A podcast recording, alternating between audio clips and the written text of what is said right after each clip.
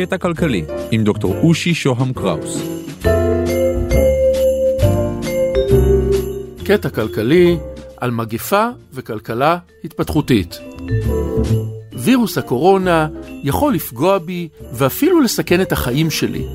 הוא גם יכול לפגוע בעסק שלי ואפילו לסיים את החיים שלו. אז מה, העסק שלי הוא יצור חי כמוני?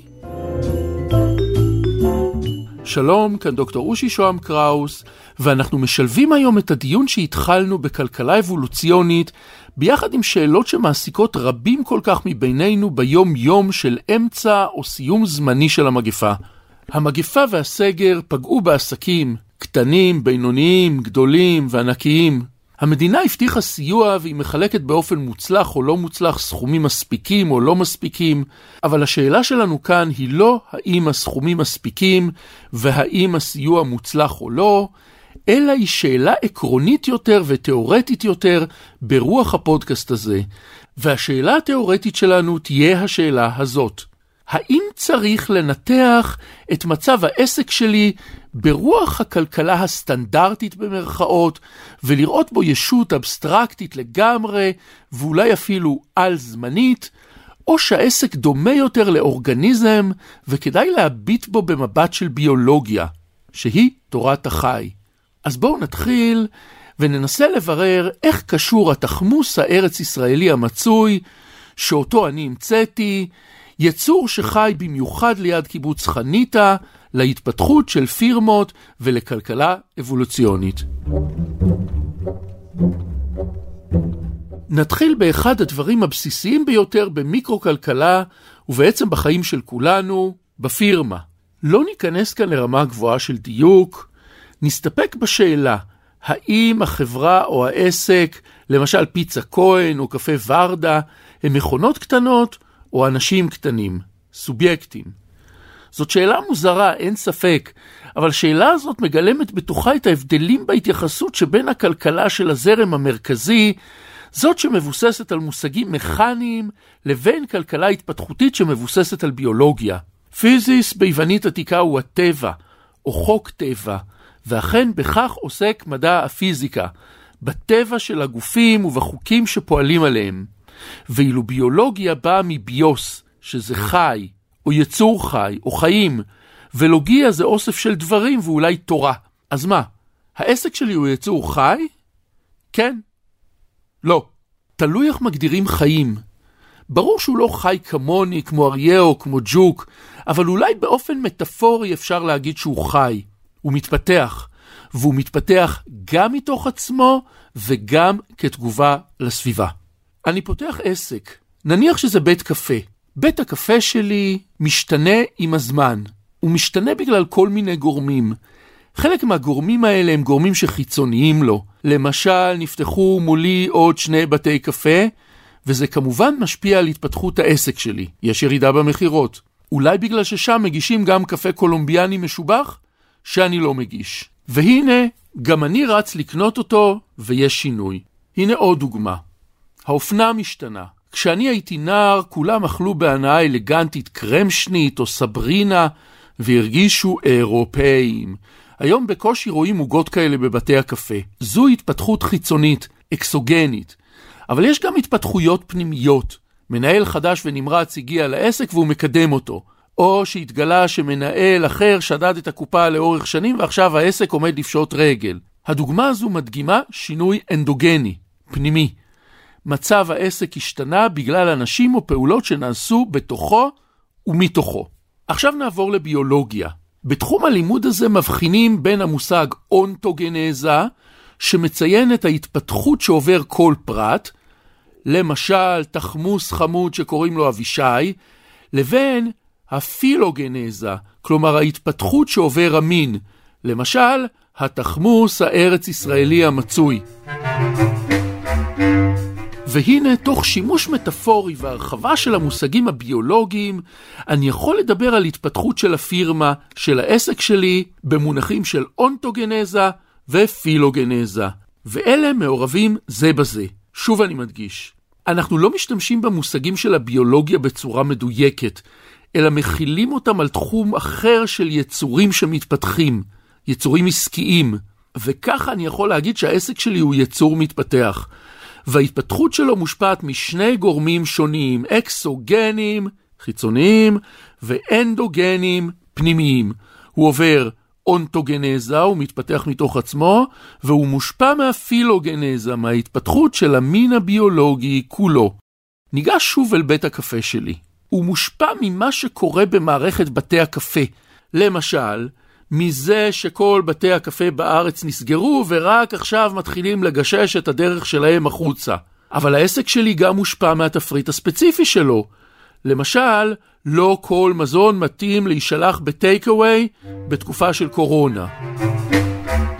אבל זה לא רק זה, אוכלוסיית התחמוסים משתנה גם בהתאם להתפתחות של אוכלוסיות כמו אוכלוסיית האריות, בדיוק כמו שמצב בית הקפה שלי יכול להשתנות לגמרי בעקבות אוכלוסיית חנויות התקליטים והספרים.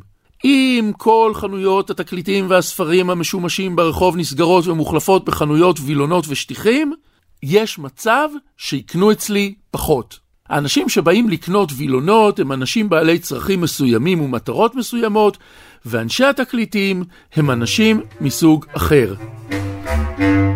בואו נחזור לתיאוריה וליצור המומצא שלנו, התחמוס הזה. אז אם אנחנו שואלים קיבוצניקים מקיבוץ חניתה, הם יספרו לנו על הנזקים הקשים שהתחמוס עושה כשהוא פוגע בשדות התירס של הקיבוץ.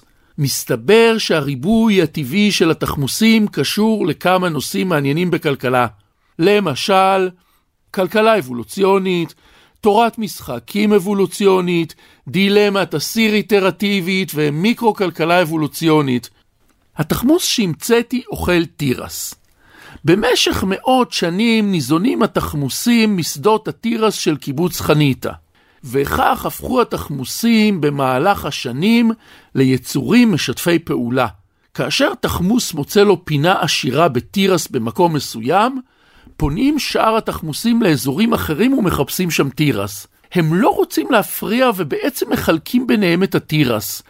כך נשמר מאזן התירס בכל האזורים, והוא צומח באופן טבעי ומתחדש במשך הזמן. נחזור. מה שמאפיין את תכונות התחמוס המצוי הוא שיתוף פעולה.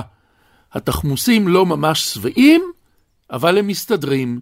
וחוץ מזה, חלק גדול מהם מגיע לבגרות מינית ומוליד צאצאים בעלי אותן תכונות. עכשיו, בגלל מוטציה גנטית, נולד תחמוס שמאופיין בתכונה אחרת. הוא לא משתף פעולה עם חבריו למין. מה קורה? התחמוס החדש פולש לשטחי התחמוסים האחרים ואוכל לשובע. לשובע והרבה מאוד. הוא פוגע בתחמוסים האחרים שלא רגילים להתנהגות כזאת. הוא פולש לתחום שלהם. מכאן הוא מתרבה בצורה מוצלחת יותר, נולדים יותר ויותר תחמוסים זללנים. כל זה נמשך עד שהתחמוסים משתפי הפעולה נכחדים, אוכלוסיית התחמוסים האנטי-חברתיים הופכת להיות האוכלוסייה השלטת, אבל בסוף גם התירס נעלם וכולם גוועים ברעב. תופעה כזאת אינה זרה לחיים החברתיים שלנו. כולנו צריכים לסגור את בתי הקפה שלנו כדי לא לייצר מוקדי הידבקות. עכשיו נניח שכולם סוגרים. הכי משתלם לכל אחד מאיתנו זה דווקא לבגוד בהתנהגות הכללית. המצב הטוב ביותר עבורי הוא כזה. כולם סוגרים, יש מינימום הדבקות, אבל רק אני פותח. ככה אני נהנה משני העולמות. ומה הבעיה? הרי זה מאוד הגיוני מבחינתי לחשוב ככה. הבעיה היא שמרוב היגיון, אם כולם יאמצו את השיטה הזאת, המגפה תשתולל. וזה בדיוק מה שקרה עם אוכלוסיית התחמוסים. כולם משתפים פעולה, מחלקים ביניהם את שדות התירס, או במילים אחרות, סוגרים את בתי הקפה, ואז אחד מהם פותח בזמן שכולם סוגרים. תחמוס שלא משתף פעולה וגונב את שדות התירס של התחמוסים האחרים.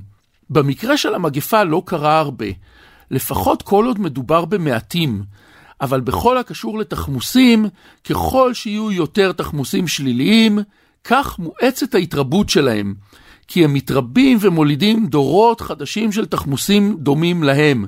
המשחק הזה נקרא בתורת המשחקים דילמת האסיר המונית איטרטיבית. לשדה הזה נכנסים הכלכלנים ריצ'רד נלסון וסידני ווינטר ומייצרים מטאפורה מעניינת. התכונות של התחמוס או כל יצור חי הופכות לפרקטיקות של הפירמה במה שנקרא מיקרו-כלכלה אבולוציונית. הפרקטיקות, שיטות המכירה של החברה, אופן קבלת ההחלטות שלה, מדיניות הקשר שבין מנכ"ל לבין העובדים, אלה התכונות של כל פירמה אינדיבידואלית. בדיוק כמו שלכל תחמוס יש תכונות משל עצמו. מאגר כל התכונות של כל העסקים מאפיין תעשייה בזמן מסוים, כמו שמאגר כל התכונות של כל תחמוס מאפיין את התחמוסים כולם בזמן מסוים. ועכשיו, שימו לב להקבלה. חברה שמפתחת מנגנונים טובים יותר ביחס לחברות האחרות, תתפתח ותצמח יותר. היא תשרוד על חשבון חברות שמנגנוני הניהול שלהן היו פחות מוצלחים בתקופה הנתונה. למשל, בית קפה שמצא הדרך לשנות תפריט ולייצר להיט טייק אווי קורונה, יצמח יותר מבתי קפה אחרים. הנה נוצרה לפירמה אחת פרקטיקה חדשה, כמו לתחמוס המסוים שהתחיל לגנוב מאחרים. הפירמה בעלת התכונות הטובות ביותר תשרוד יותר, כמו התחמוס המעצבן שהיה תמיד שבע יותר וחזק יותר. אבל לא רק זה. זוכרים את מדפי הספרים בתחום הניהול בחנויות הספרים? יש בהם ספרי אסטרטגיה עסקית. והנה כותב חכם אחד, מזהה את התכונה החדשה של החברה שעליה דיברנו, או אולי הוא ממציא תכונה, כותב עליה ספר, והספר הזה הופך לרב מכר. מנהלים קוראים אותו ומאמצים את האסטרטגיה החדשה. מתחילים ללמד את השיטה החדשה בבתי הספר למנהל עסקים במכללות, והנה כבר לא מעט חברות משתמשות באסטרטגיה. אז מה קורה? כמו התחמוסים הרעים שהלכו והתרבו ובסוף הרסו את מאגרי התירס, כך גם החברות. מה קרה בעצם לתחמוסים? האסטרטגיה החדשה המוצלחת של תחמוס מסוים אומצה על ידי כל התחמוסים. אצל התחמוסים זה באמצעות הולדה של צאצאים בעלי תכונות דומות. בעסק זה בזכות פרסום האסטרטגיה. ובסופו של דבר, האסטרטגיה הזאת הפסיקה להיות יעילה. כל התחמוסים הפכו להיות גנבים, תחמוסים עדינים ומשתפי פעולה מתו, והתירס נגמר. ואותו דבר גם באסטרטגיה החדשנית בניהול שהמציאה פירמה מסוימת. היא צמחה וצברה יתרונות רבים, אבל מרגע שהאסטרטגיה שלה הפכה להתנהגות המקובלת והנפוצה, היא איבדה את היתרונות התחרותיים שלה, בכל מה שקשור לפחות לאסטרטגיה הזאת. אז מה היה לנו פה? היה לנו מבט מטאפורי שמדמה חברה כלכלית לישות חיה יותר מאשר למכונה דוממת. והכרנו על קצה המזלג את צורת החשיבה של הכלכלה האבולוציונית. נחזור לתחום הזה מתישהו בעתיד.